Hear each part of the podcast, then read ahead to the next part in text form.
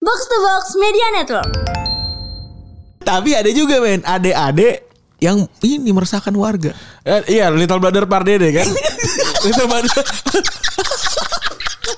Lit- eh, Coki Coki, dong. Coki Par Little Brother, Little Brother. Lagi-lagi Little Brother ya. Iya bener. Coki par liter brother. Nah, era Real Madrid membujuk Di Stefano untuk datang ke kantor mereka ketemu sama Santiago Bernabeu gitu ya. Nah, ini juga agak aneh. Jadi kayak lu ngobrol sama dua stadion gitu. Ya. Kan dua-duanya udah jadi udah jadi nama legenda ya. Kalau ngomongin sekarang mungkin ada ya soalnya dua-duanya dari stadion satu kan eh, stadion Kasila kan. Iya, Castilla nih ya. Stadion Kastilla satu lagi stadion gede gitu. Iya. Coba. Jadi ngobrol, bang, datang nih bang gitu. ya.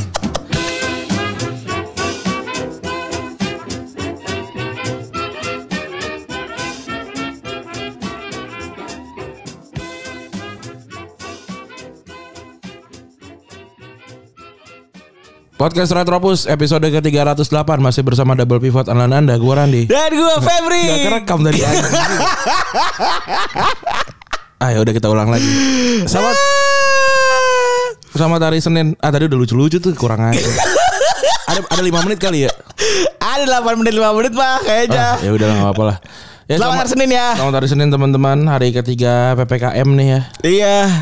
Tadi agak cukup chaos ya di hari pertama ini terlapor dari banyak eh, lapor-laporan di sosial media dan juga tadi saya melihat sendiri gitu di Iya. jalanan gitu ya dan luar biasa macet sana sini gitu. Iya Ya gue gak, gak ngeliat pemerintah ini Iya Bisa apa ya Bisa Ah!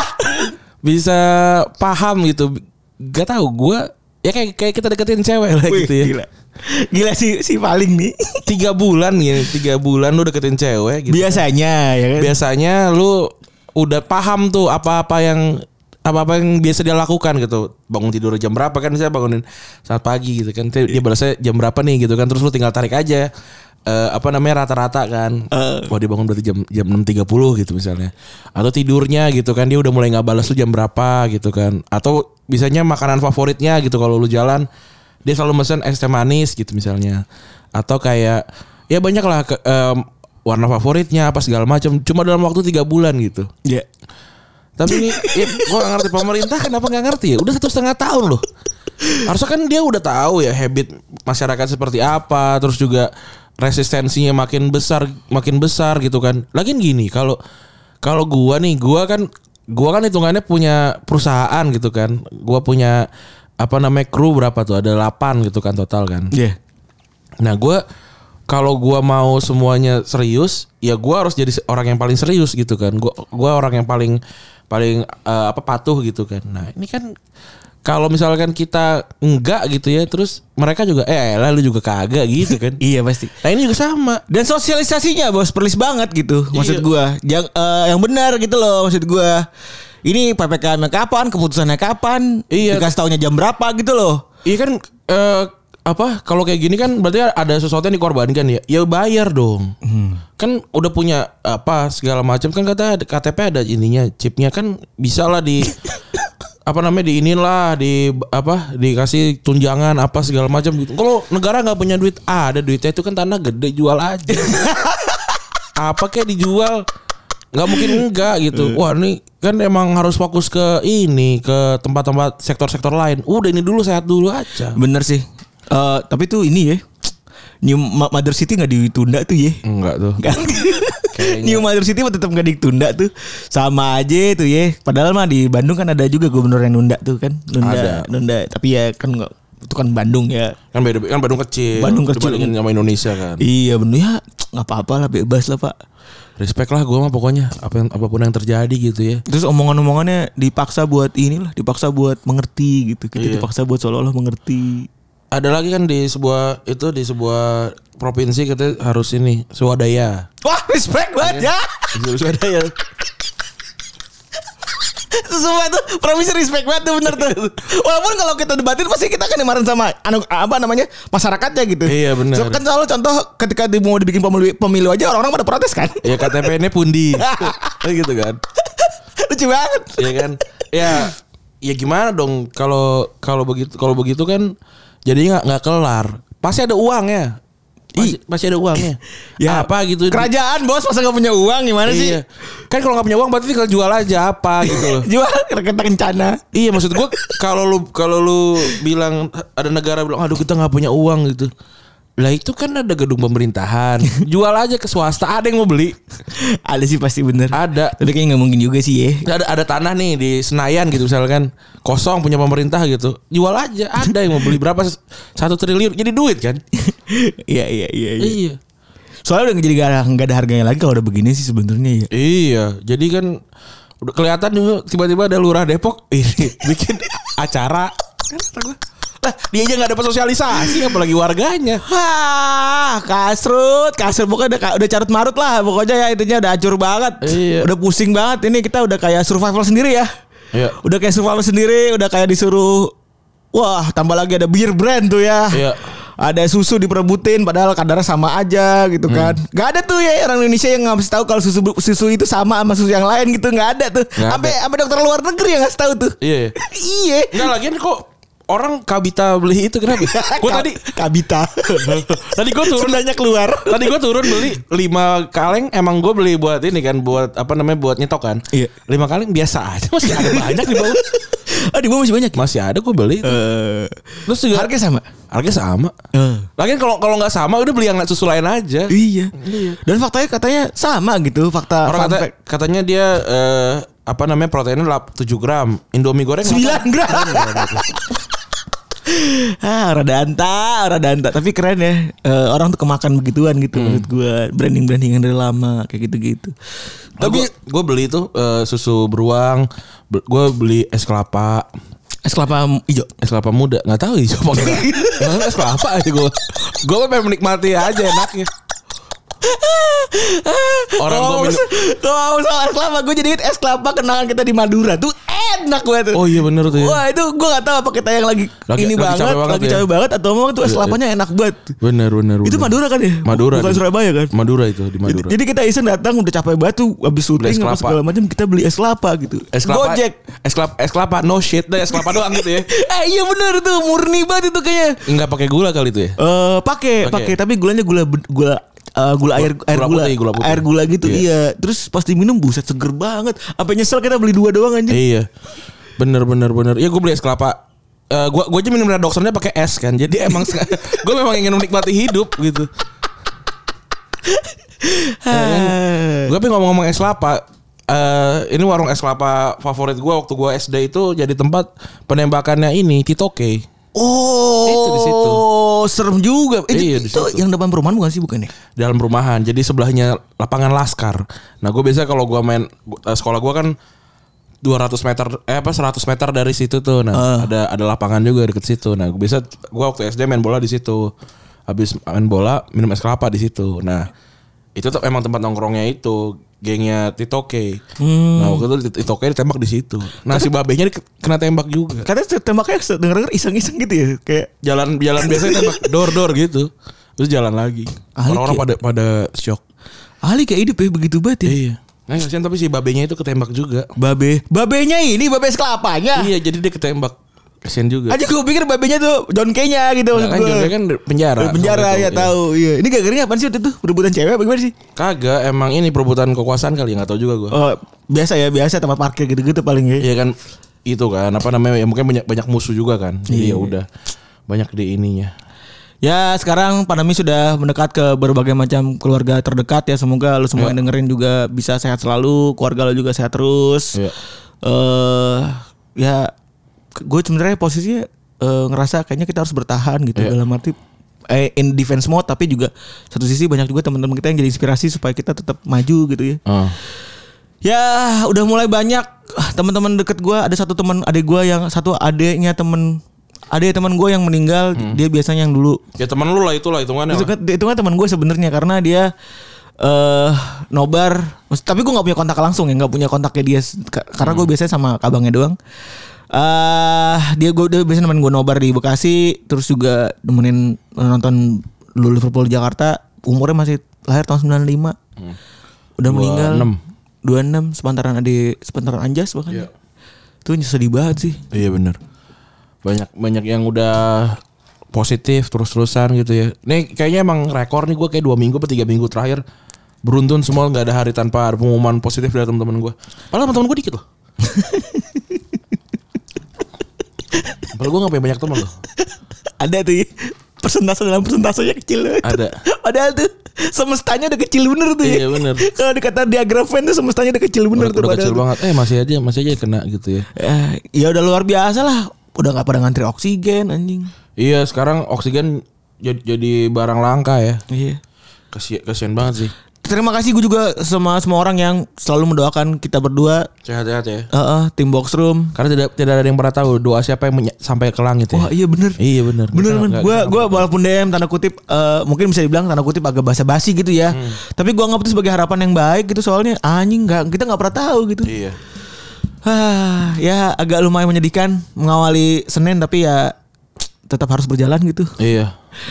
Eh tambah lagi kita harus membasmi little brother little brother yang ada di sosial media gitu. Betul karena eh, lagi-lagi lagi ya sahabat kita ya Ajis 2000 ya dia tweetnya di screenshot sama Little Brother Armando ya. Iya bener, aduh little brothernya agak susah gitu ya. Apa kita perlu bikin kan orang yang yang ada tuh yang penjahat kelamin yang cowok tuh kan yang yang kecamataan itu dibikin itu kan. Apa kita bikin ya? Halo Bikin- Fame Little Brother.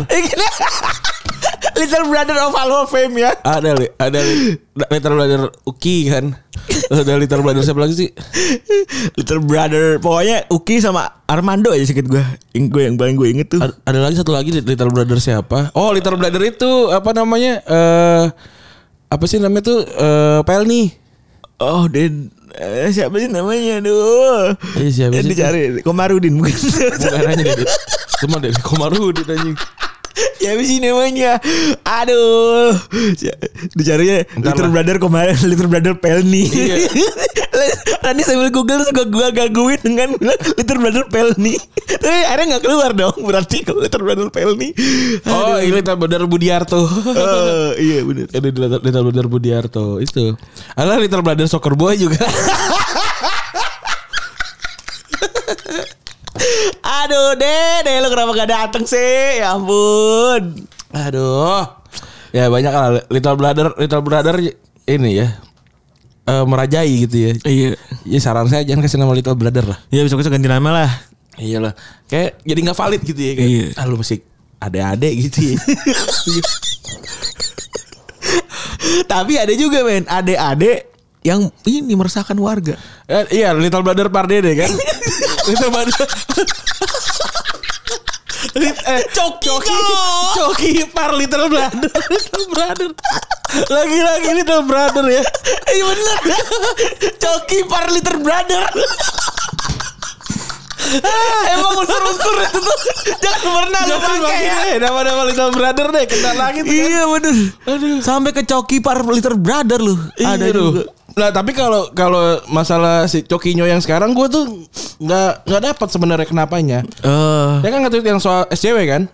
Jadi ini ada satu jadi ada ada satu orang sebelumnya ran kasusnya. Oh, gua nggak tahu Jadi itu relate tuh ketika ada orang ada orang yang protes sama SJW. Siapa sih? Gue nggak tahu gue lupa tweetnya tuh apa. Wah, gua gua juga nggak lihat lagi. Gua lihat emang orang pada nge-tweet SJW kan. Iya jadi ada eh, tweet ada tweet yang mana itu eh, dia mempertanyakan SJW ini protes doang ya bisa bawa solusi apa kagak? Oh, yang ini bukan sih yang kiri yang kiri terus apa gitu-gitu nggak sih? Eh, Iya itu juga yang ditweet sama si ini kalau nggak salah leadsnya tuh dapat dari ini coba lu buka dong OFSG. Oh, sih itu. si Mara Bencana tuh juga itu dia salah satulah eh satu satu dari situ loh yang dia dia nge-tweet apa nggak salah eh, orang kaya orang kaya udah kaya ya intinya SEO tuh mempertanyakan eh, segala macam tapi di- SEO tuh punya solusi apa enggak gitu Iya. makanya Oh, ini kan yang meng- menghanyurkan ini ya, bukan ini. Bukan. iya benar solusi alternatif Orang-orang kiri ini punya solusi alternatif apa buat pengusaha hotel dan villa selama pandemi? Dikira pengusaha hotel dan villa nggak perlu ngasih makan karyawan nanti ya, karyawannya, nanti nggak ada pemasukan PHK PHK masa paling kencang juga kalian teriak komedi kata dia gitu. ya jadi intinya ya dari eh, sekitaran itulah Ya enggak kalau gua mah gini aja maksudnya apa? Gua kan bayar pajak ya. Masa gua juga harus mikirin solusinya sih? oh iya bener banget tuh itu Iya bener dong. banget tuh ju- ya tugas kita ya kritis bener Iya, Iyalah gitu. Nah, nah ini dia. Gua si orang-orang ngecekin SJW segala macam. Gue juga tidak tidak suka SJW gitu ya. Tapi maksudnya mereka tuh udah apa namanya punya peran gitu. Punya peran bener. Nah gue kalau mereka nggak ada terus nggak ada yang komentar kan harusnya jadi kita ya. Gue nggak mau nih. Dia biar mereka aja gitu. Makanya gue kalau emang masih kelia- masih gue bisa membela, jadi gue gua diem aja gitu. Walaupun gue nggak suka juga sebenarnya. Ya, Gitu. betul betul banget, betul banget. Itu peran-peran begitu yang sebenarnya bi- dibiarkanlah gitu. Iya. Dan teruslah ada gitu karena kalau kagak ya jadi kita sering. Peran-perannya belir tuh biar aja udah. Gitu. Gue sih nggak mau soalnya. Udah diambil sama orang jangan kita protes lah.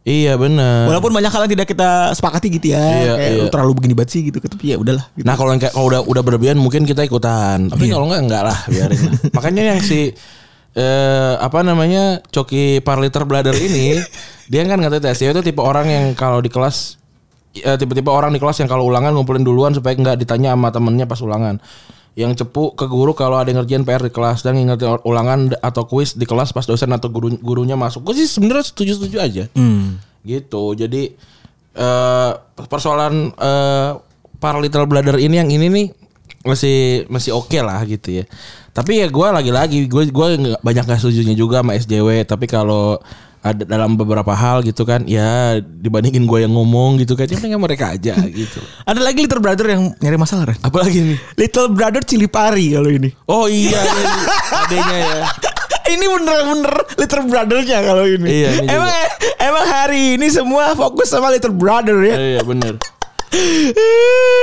ya benar Little Brother yang satu itu eh, luar biasa ya.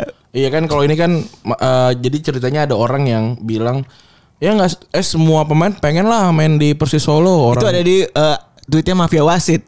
Gue liat yang dia gue liat langsung tuh yang di Anonymous apa gitu orangnya. Eh, eh, tapi gak, tapi gue dapet tweetnya di, jadi dia nge-reply Mafia Wasit waktu itu. Oh gitu. Iya. Nah, oh berarti Kaisang dia nge-tweet itu kan. Iya. Iya nah si si Ka- Kaisang eh intinya kan oh, semua orang pengen lah di situ karena kan aman keuangannya terus juga ini apa namanya eh eh, gajian lancar dan segala macam gitu kan. Nah, terus Ka- Ka- Kaisang bilang kan "Cup, bisa nggak buktiin kalau PS, PS eh, Persis Solo itu eh, bayar pakai APBN gitu kan. Udah sebenarnya habis itu doang. Habis itu dia ini apa namanya posting foto kan. Motornya Mas Jatmiko yang fitnah Persis Solo pakai duit serem, APBN. serem banget ya. Terus juga eh diciduk nangis. Iya, nah ini juga nih persis eh, pemain oh nih maaf ya Mas, kali ini saya nggak bisa bercanda tuh kata brother Kaisang tuh memang brother nih. Bro Kaisang nih. Tapi gue sih paham sih kegusarannya gitu kan, tapi Anda ini anak nom- anaknya ini, anaknya presiden gitu. Jadi ya lu nggak bisa nggak bisa ngejokes begitu gitu. Iya bener. Itu tuh eh, abu- abuse of power kan hitungannya. Eh, hitungannya abuse of power. Soalnya kalau itu di joke sama kita kita ini make sense gitu. bener. Ja- apa- apa- apa- We don't have power soalnya. Iya, kan. untuk- Kita nggak punya power itu gitu. untuk nunjukin dan emang emang si orang si si Jatmikonya ini juga emang emang ngehe gitu loh. Iya k- kalau kalau ada orang yang eh, asas praduga yang yang dibantu bayaran pakai APBN gua nggak bisa ngeliat itu salah secara murni gitu loh.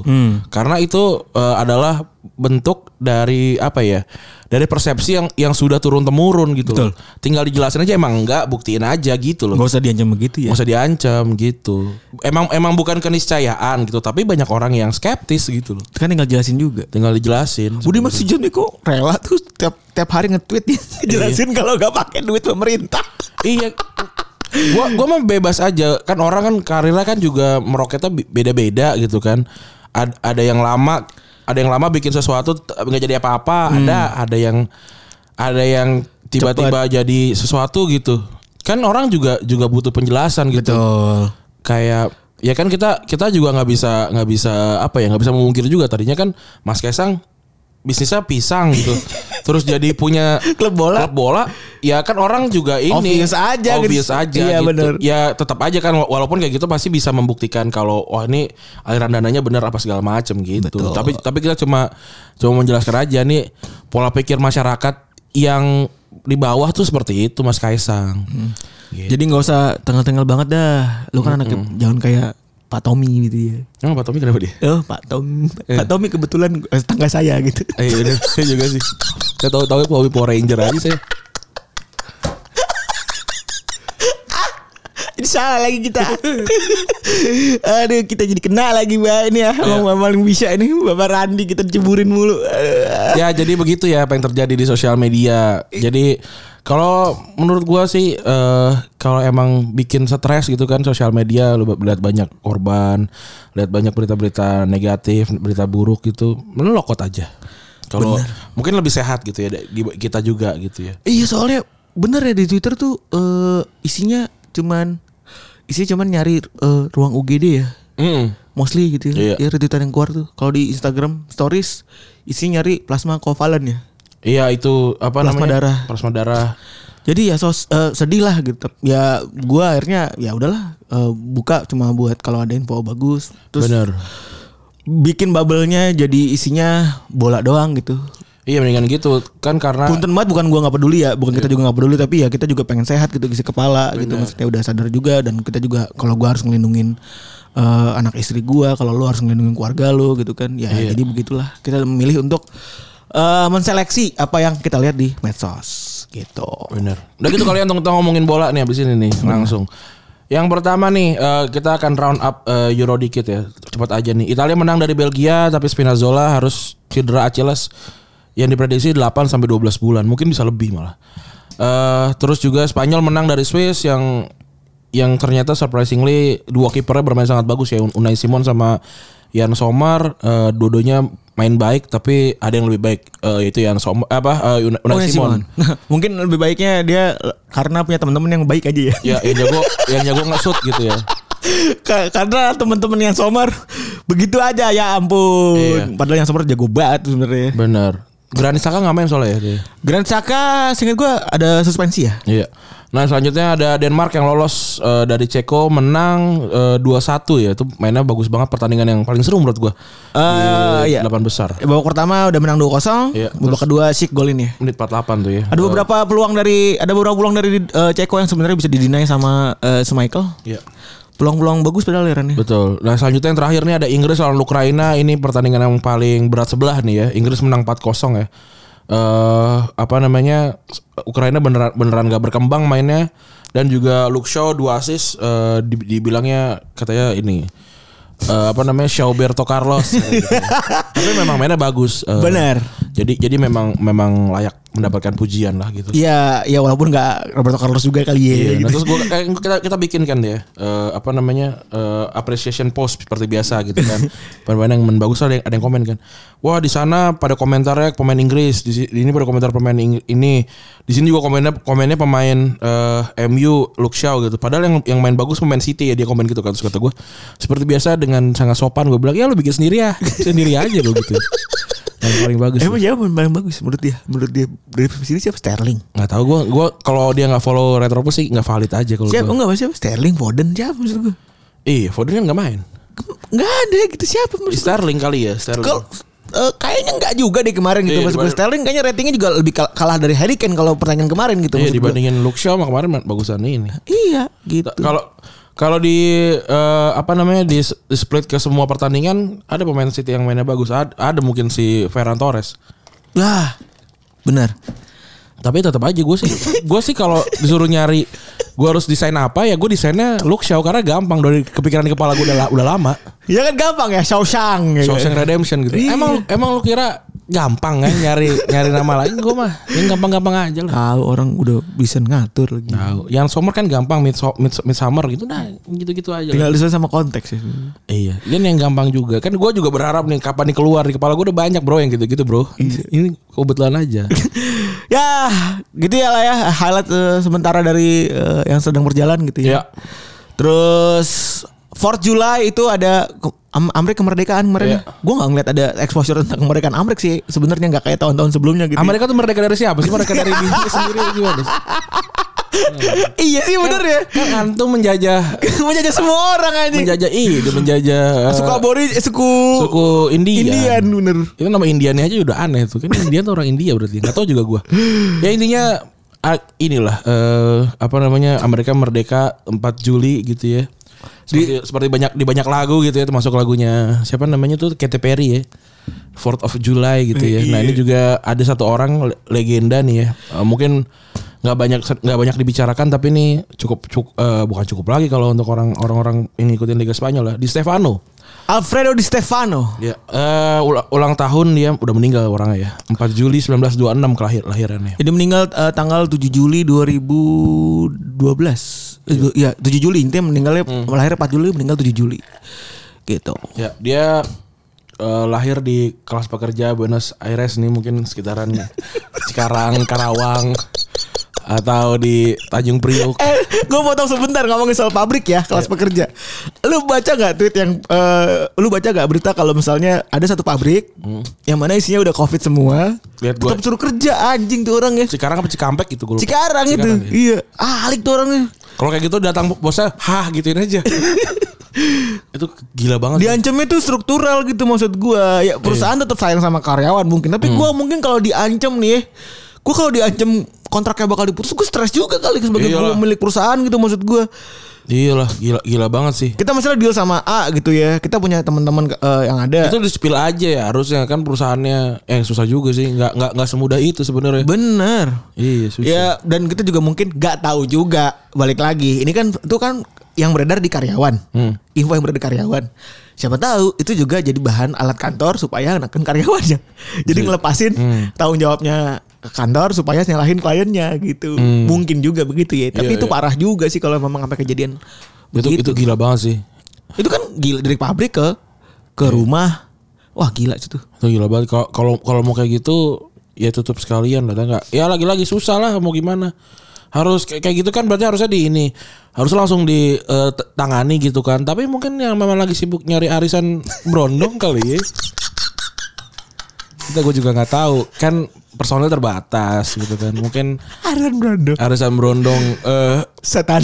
satanik lebih penting gitu dibanding satu pabrik gitu gue juga nggak pernah tahu kan kan kita nggak nggak pernah bisa ini dong maksain apa namanya prioritas apalagi priori- prioritasnya lembaga kan kita nggak bisa Apalagi mereka punya prioritas masing-masing. Nggak- kita ntar di tahun dev nggak bisa Ya sudah lah Ah, terus eh, kita bahas awal-awal karir Stefano dulu ya. Ini Ya. sebenarnya eh, sub bahasan kita bakalan sama sebuah transfer yang memang ini jadi kerusuhan satu negara Ya. bisa bilang ya. Jadi waktu kecil Stefano dipanggil Minelita karena mirip sama perawakannya sama Jose Maria Minelita pemain lokal yang dulu eh, main di Gimnasia de la Plata waktu itu. Gimnasia La Plata Iya. Terus ayahnya main buat River Plate di tahun 30-an. Ini kayak mungkin belum eh, profesional kali ya. Main masih yang amatir-amatiran. Dan jelas waktu itu masih ada konflik antara pemain eh, amatir sama pemain profesional waktu itu ya. Terus kayak bapaknya Lev Laksan eh, kebetulan nggak kayak Batistuta ya. Bapaknya kan main bola, anaknya sepatokopian. iya Jangan bilang-bilang bapak. Jangan jadi Batistuta nih. Bahasa itu juga di Buenos Aires kan nih Aduh. Jadi di Stefano juga mulai karirnya di River Plate Iya di usia 19 tahun. Cuman waktu itu River Plate tuh lagi banyak pemain-pemain penyerang berbakat ceritanya. Ada yang namanya Juan Carlos Munoz, ada yang namanya Jose Manuel Moreno, ada yang namanya Adolfo Padernera, ada yang namanya Angel Labruna sampai ke Felix Lostau Iya. gitu. Tapi sehingga si eh, siapa namanya di Sp- Stefano tuh nggak dapet tempat di sana. Iya. Walaupun selama 4 musim main itu 45 sampai 49 dia tuh golnya banyak hitungannya. iya 49 dari 66 pertandingan 49 gol dan 66 pertandingan itu udah banyak banget ya. betul Oh iya, anyway tentang si River Plate ini dia punya formasi katanya dulu 325. Iya kan emang kayak gitu formasi kan Form, eh, strikernya lebih banyak Zaman dulu begitu Karena ya. nggak ada offside. Iya benar. Terus gara-gara nggak dapat tempat dia pindah ke klub yang namanya Millonarios. Iya, Millonarios ini punyanya ini kan apa salah satu Kartel ya? Kartel. Tapi setelah itu eh, itu 90-an lah. Dibeli kartel 80 sama 90-an. Waktu ini tahun waktu tahun ini belum lah dia. Punyanya ini ya, wants to be millionaire ini. Ya, Biar. Hmm. Eh, dan Punya Mili- Helmi berarti. ya. Tambah Tantowi kali. Tahu ya Pak Helmi sih. Tantowi apa lebih sih anjing? Yang ya do- antara itu mukanya mirip sih. sama, sama bikin YouTube gak sih Helmi dong bikin YouTube ya? Iya, da- yang isi daging semua ya. Itu toko daging apa? Terus si Millionaires waktu itu sama seperti klub-klub apa, em, banyak klub di Amerika Selatan lainnya itu belum Hmm. Ya. ternyata belum resmi jadi klub profesional jadi dia belum daftar ke FIFA Iya. sehingga kontrak yang berlaku adalah kontrak personal saja. Iya. gitu ya. Jadi eh, cuma negosiasi personal doang, nggak ada hukum FIFA yang berlaku di situ. Dan tapi Stefano akhirnya bersedia pindah ke Millonarios eh, dan dia main 4 musim dari tahun 49 sampai tahun 53. Iya. Nyetak 90 gol dari 101 penampilan. Iya. Wah, gila ya.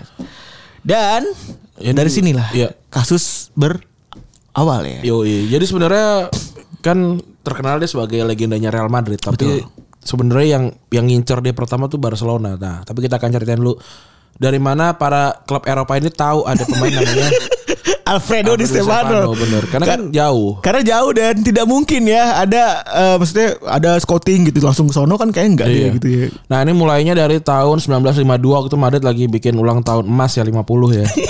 Tentang perkawinan emas Oh, ya 50 tahun ya. Nah jadi mereka bikin turnamen segitiga ya antara Milenaros dan Norkoping dan Real Madrid tentu saja gitu. Nah Iya. waktu Madrid mena- ma- lawan Milenaros mereka kalah 4-2 gitu kan. Nah di Stefano itu main bagus di sana walaupun kita nggak tahu dia tuh golin berapa di sana nggak ada yang tahu. Iya, Tapi jadi mainnya nggak ada nggak ada data kalau misalnya dia golin lah intinya gitu. Dan nah, iya setelah itu masuk berita lah, masuk koran gitu kan. Nah, ini siapa nih pemain ini gitu. dan dia langsung dilihat sama Santiago Bernabeu waktu itu. Jadi sebagai owner Santi- sebagai presiden Madrid, Bernabeu ngeliat wah ini kayak main bagus gitu. Bener.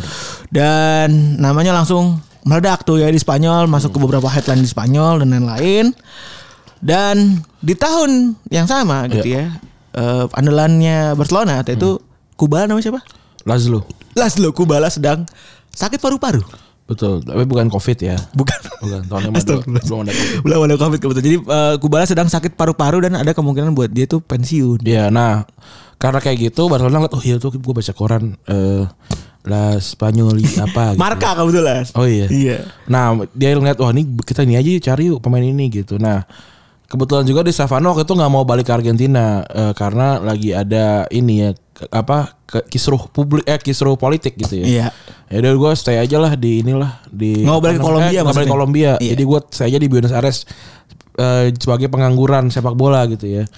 Nah, eh, waktu itu ada namanya 5 ek alias kesepakatan dalam beberapa negara. Nah, akibat 5 ek ini para pemain asing di Kolombia diminta harus dikembalikan ke klub sebelumnya. Nah, ke- artinya Stef- Di Stefano dibalikin ke ini River ke Plate. River Plate. Nah, waktu itu Milenaros eh, ngutangin si eh, Di Stefano 4000 dolar gila banyak juga ya. Karena nggak main ya, karena kontraknya kan 4 tahun. iya. Terus satu tahun punya utang setahun Iya, main gitu.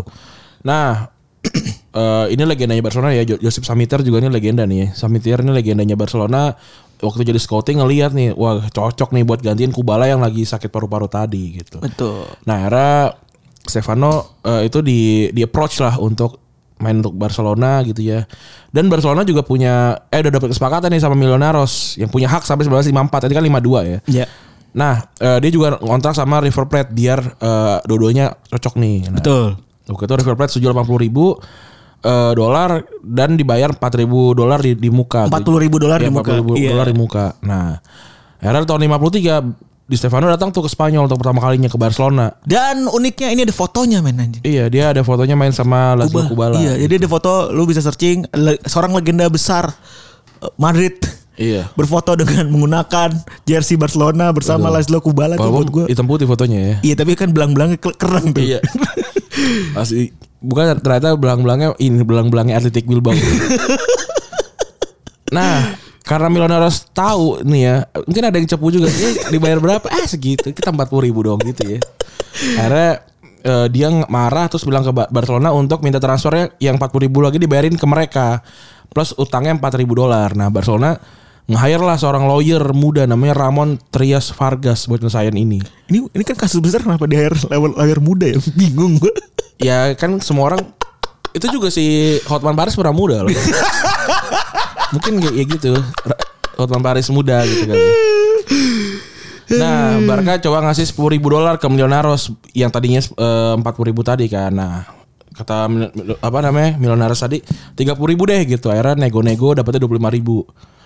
Nah, tiba-tiba presidennya Milonaros minta Barcelona buat datang dulu ke Bogota buat mainin friendly gitu kan. Bi- Apa namanya biar nambah duit lah dari ini kan friendly match. Nah, ya, tapi Barca bilang ah jauh banget, males gitu kan.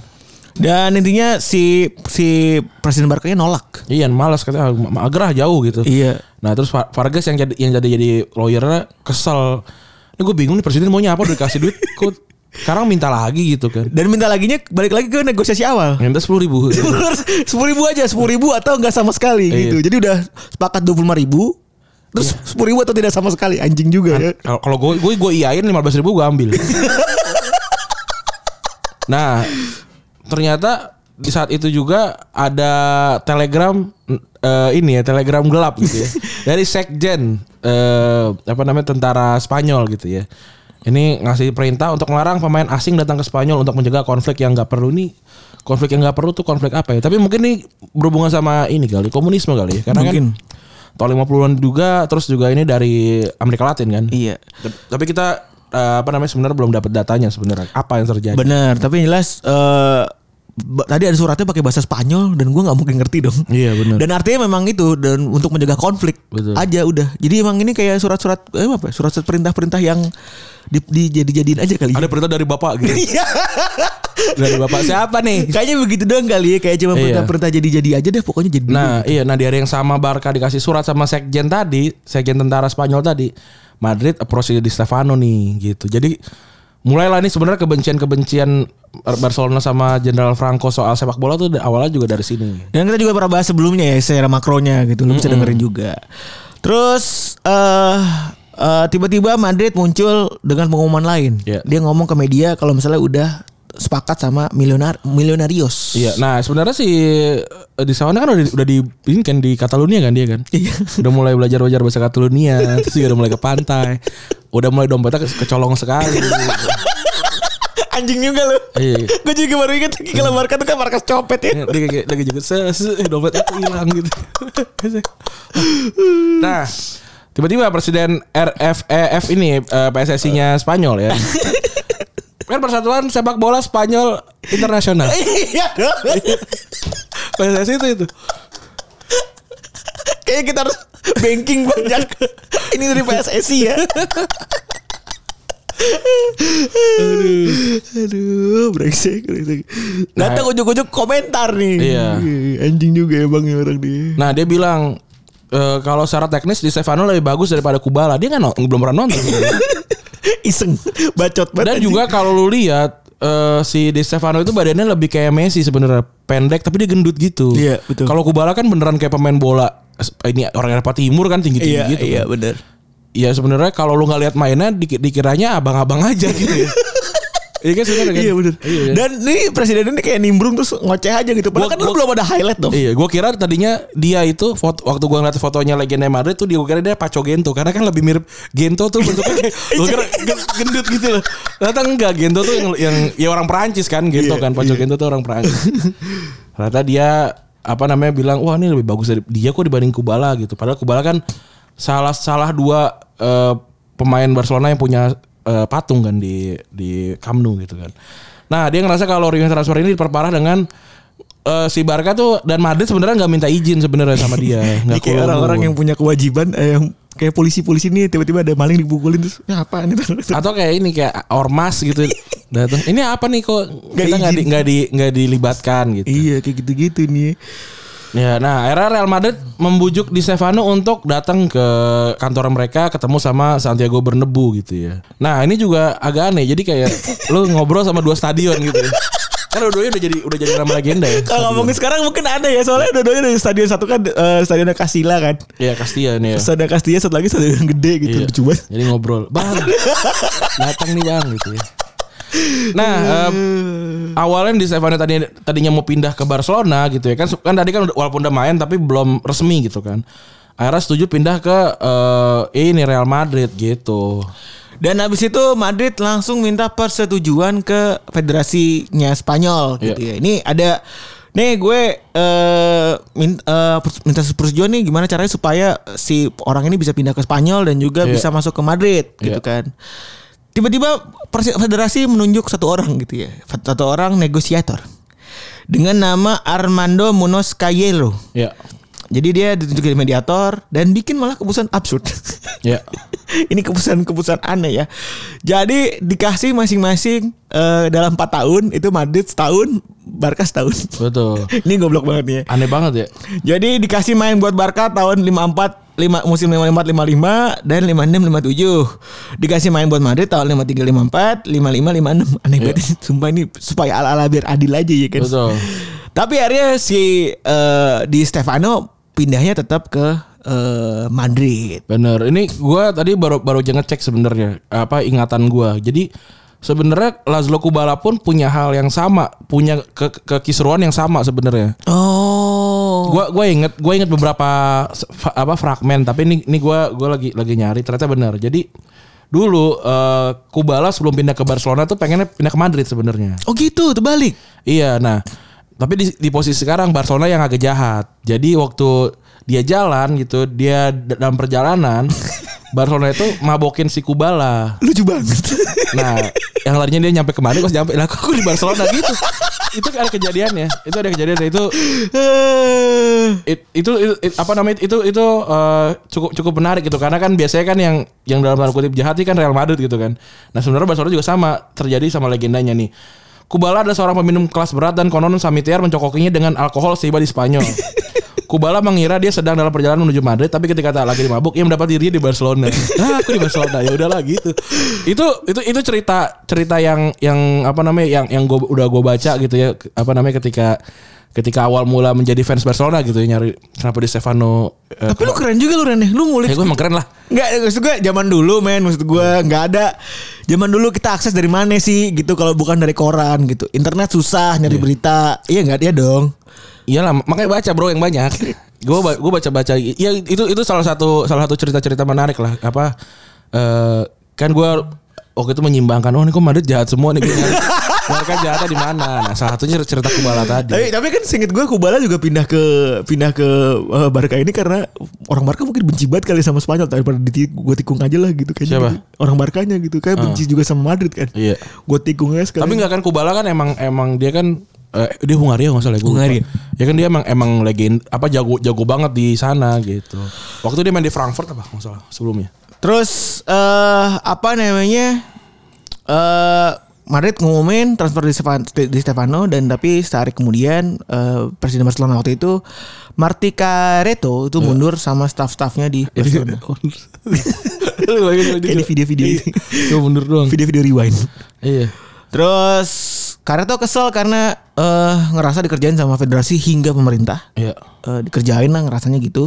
Terus juga dalam sebuah kera- keterangan Karato bilang kalau misalnya dia dia tuh nggak mau bayar hak yang di- direbutin sama millenarios karena dia tuh dikasih tahu sama yang namanya Institute of Origin Currency gue nggak tahu ya. Ini mungkin kementerian apa nih zaman sekarang udah nggak ada kali ya. Kan udah ada bank transfer dong zaman sekarang ya. Iya, ini eh, apa namanya? money changer gitu kayak.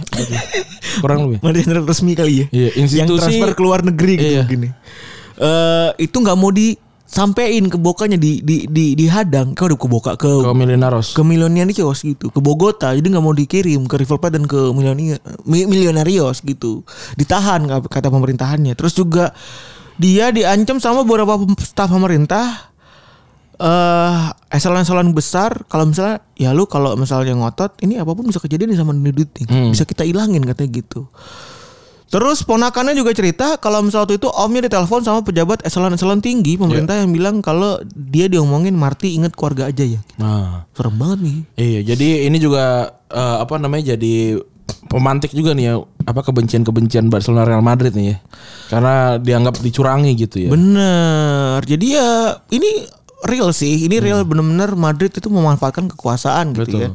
Karena gue juga baru, baru baca dari investigasinya si si Sid Lowe ini dan agak nyeremin soalnya. Hmm. Iya. Agak nyeremin soal eh, pertama di saat kita lagi bikin sebuah apa ya Ran, sebuah kisah eh, para pemain sepak bola Indonesia yang Hmm. sulit sekali mencari ininya gitu. ya. Datanya. mencari data, mencari foto, mencari apa, mencari clipping gitu-gitu. Ini tiba-tiba ada foto tahun 1953 yang masih ada tuh respect banget sih Iya. anjing.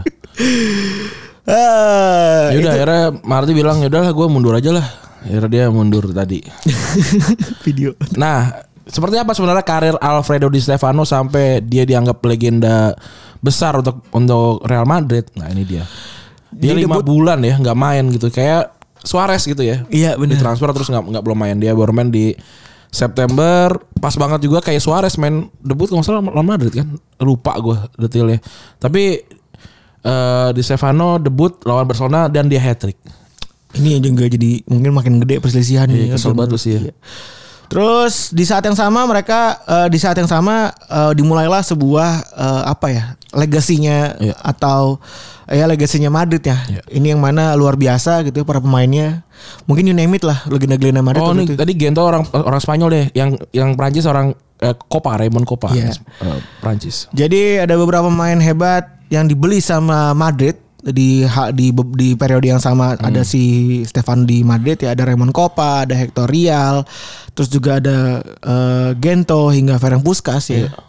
Itu ikut di situ dan selama 11 tahun tampil buat Madrid dia juara La Liga 8 kali. Iya.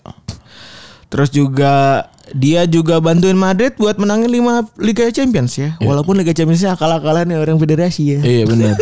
Lawannya ya gitu-gitu Stade Reims apa gitu-gitu kan. Dan Copa tuh dibeli dari ya, Sadder Rem sih singkat gue. Iya.